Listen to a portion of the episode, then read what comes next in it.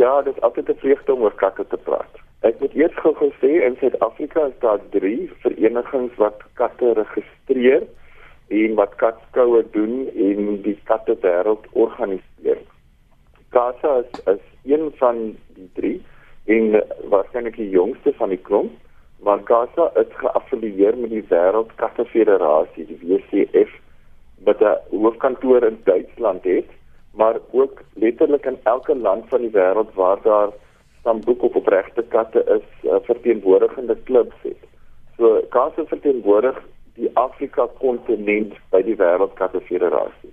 Katte is eintlik 'n organisasie wat katte skoue organiseer en anders as wat uh, die algemene persepsie is, het ons ook huiskatte of ongeregistreerde katte op ons skoue. Tweedens registreer ons ehm um, stamboekkatte, maak seker dat die dat die stamboek korrek is, sertifiseer dit ensovoorts. Ons lei ook beoordelaars vir katteskoue op. Uh, en die beoordelaars wat ons oplei volgens baie streng kriteria word dan internasionale kattebeoordelaars. So ehm um, dis 'n 'n kort die opsomming van van wat ons doen ons ons uh, promoveer of ondersteun dan nou op die ontwikkeling van verskillende katrasse, maar sekerlik ook die etiese teening van katte en ondersteun ook die welsynsorganisasie van van aan van katte en van ander diere. Uh, ek hoop dit antwoord jou vraag. Ja ja ja, maar nou het ek vele ander vrae soos ek ken ten minste 'n hondeskou. Waarna word ja. gekyk by 'n katteskou? 'n Katteskou is kan ons maar sê tradisioneel 'n skoonheidskompetisie. Ehm um, daar is wel nou 'n neiging in die wêreld om te begin met ehm um, katte wat hier hoepeltjies spring en allerlei dingetjies doen, mm -hmm. maar oor die algemeen is dit 'n skoonheidskompetisie.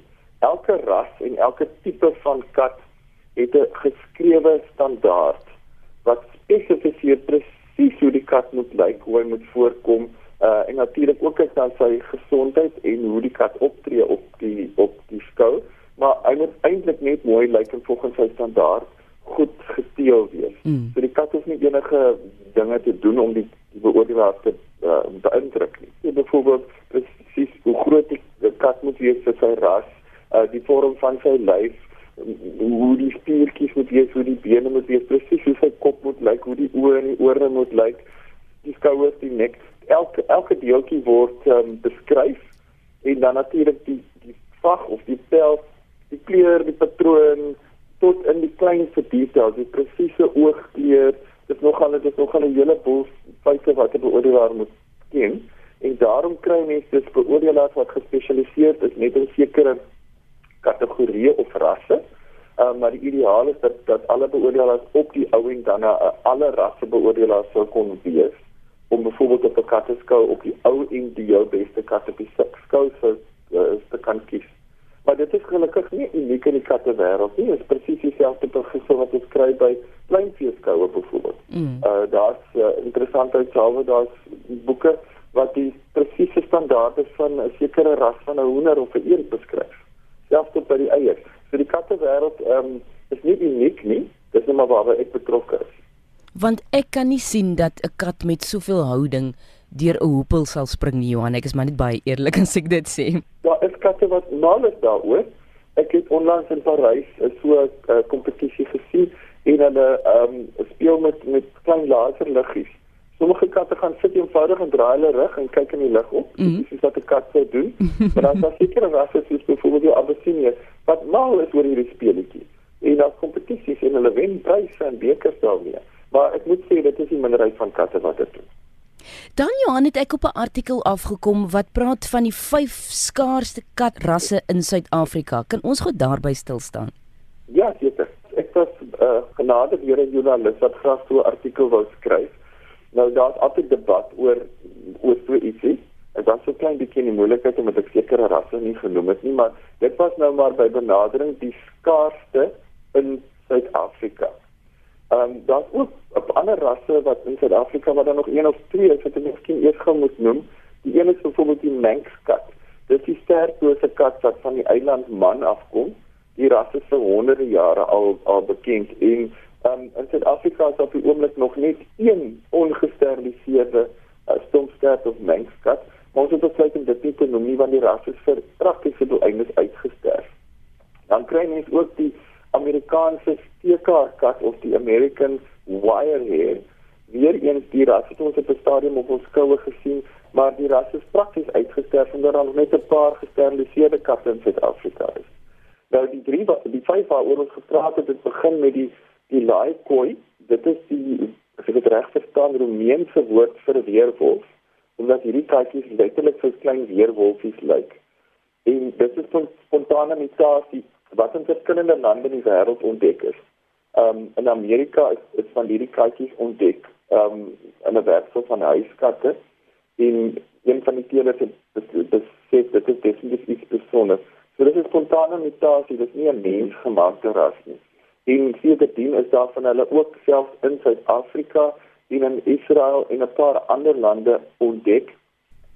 Die genetiek uh, sien glo op hierdie stadium dat dit 'n paar verskillende mutasies is wat in die verskillende lande ontstaan het en die katjies lyk maar almal soos wolfies. Mm. So uh, as jy 'n prentjie daarvan sien dan dan skrik mense nog op 'n tydjie. Ehm um, maar hulle is vreeslike vriendelike, oulike en gesonde katte en mekeer eintlik niks nie. Ehm uh, die tweede ras dink ek waaroor gepraat het, ou wat in die artikel is, is die Singapore. Dis die kleinste katras in die wêreld en ehm um, die teeres wil graag hê dat uh, ons almal moet glo dat die katjies is ontdek in Singapore en was die sogenaamde Singapore Brain Cats. Maar daar is ook spekulasie dat daar maar uitkruising was met ander rasse om hierdie unieke klein katjie met die pragtige groot oogies en 'n baie unieke pelstipe en kleur te ontwikkel. Dit is in Singapore. En dan is daar ehm um, in die artikel die Lapperm ehm um, dis nou letterlik 'n kat met met kroeshare. Mm. Ehm um, so die woord perm kom daar vandaan. Goed. Een is 'n spontane mutasie. En die spontane mutasie was in Amerika gevind en wanneer jy hulle uitkry met 'n met 'n kat met gewone pels, dan is daar 50% kans dat die die, die kleintjies die, die kroeshaartjies gaan hê. Ons het ook gepraat in die artikel van die Selkirk Rex. Die woord Rex kom natuurlik van ehm um, koninklikheid of beteken koninklik. Een stapie terug in die beginjare was daar 'n um, konynskoue lank voordat daar katskoue was in die Verenigde Koninkryk. En van die koning se konyne het sulke krullerige haartjies gehad wat natuurlik die beoordelaar um, genoop het om die kat ag die konyntjie te te kwalifiseer in die beoordelaar moes boek met sy kop daarvoor, so dat in die ou dae toe uh dit nog gebeur het en die konyn beoordelaars het toe 'n kodewoord ontwikkel, Rex, en gesê as jy 'n konyn met 'n krulhaartjie sien, dan noem ons dit Rex konyn en gee 'n spesiale prys daarvoor sodat hulle hulle koppe kon hou. En die eerste katte met krulhare gebore is, toe die term wat vir die konyne gebruik is sommer op die katte oorgedra. So daar's daar's verskeie katte met krullerige sagte haartjies Die Selkirk Rex is een van die skaarstes in Suid-Afrika. Daar is seker maar 2 of 3 van hulle wat nog kan steel. Dit is 'n bonkige kat met sagte krulhare waarvan daar twee variasies is: kort haar en lang haar. Die Japannese stompstert het ook van vergeet. Dis die Japanese bobtail. Dis 'n kleinerige katjie wat ook spontaan in, in Japan ontstaan het en hulle stert maar so klein pom pom soos wat die standaard sê. Dit was die katjies wat destyds Japan die Japaneese sy industrie gered het deur al die meise wat die wat die sywerms opgevreet het um, kon beheer. En dan wil ek gehoor het jy enigsins katte? Ja ja, ek en my vrou is al twee katte teelers en ook internasionale katte beoordelaars. So ons ek persoonlik was, baie gefassineer met die skaarse rasse. So ons het 'n paar van die skaarse rasse. Mm. Maar omdat daar nie so groot um, aanvraag vir die skaarse rasse as krokodille is nie, uh, deel ons hulle nie eintlik meer nie. So ons het hulle maar meer as krokodille.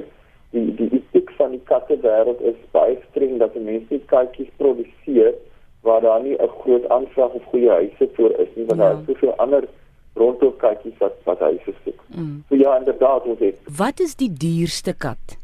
Ek sou kat seker die laikoi op die oomblik en dit vir die rede dat daar 'n redelike groot aanvraag vir kleintjies en daar is daar is teele wat hulle aktief teel. Maar die insetkoste om die oorspronklike ouers in te voer en so voort is geweldig hoog.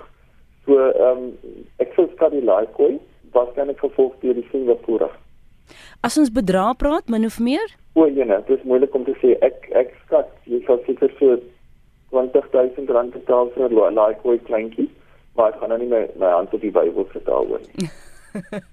en op daardie noot sê ek baie dankie Johan Lamprecht vir hierdie interessante gesprek oor katte.